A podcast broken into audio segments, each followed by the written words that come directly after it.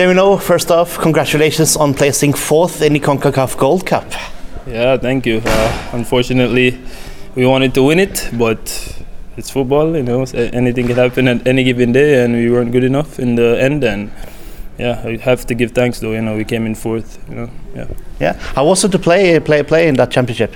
It was good. I mean, it was my second championship. I played in the one previous years, uh, where we lost in the finals.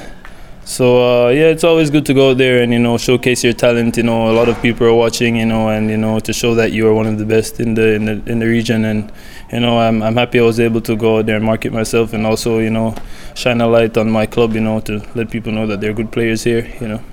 Hmm. Uh, how much of the start matches uh, were you able to catch during the uh, championship? Uh, just uh, the two, the two games we lost. I watched the highlights and just a little bit, but uh, I wasn't following it that much because I wanted to remain focused on the national team. But I talk with the guys every day and stuff. Hmm.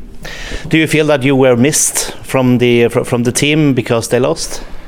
Um, I mean, we're we're a good team, we're a solid team, but yes, obviously, you know, with my qualities and stuff, it's an addition, you know.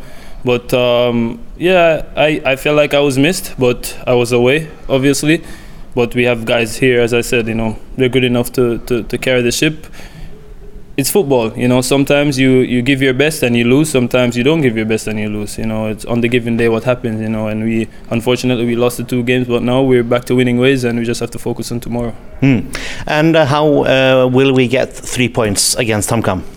Uh, we've just we, have been working hard all week. You know, the guys are in high spirits. We were taking good instructions from Joey.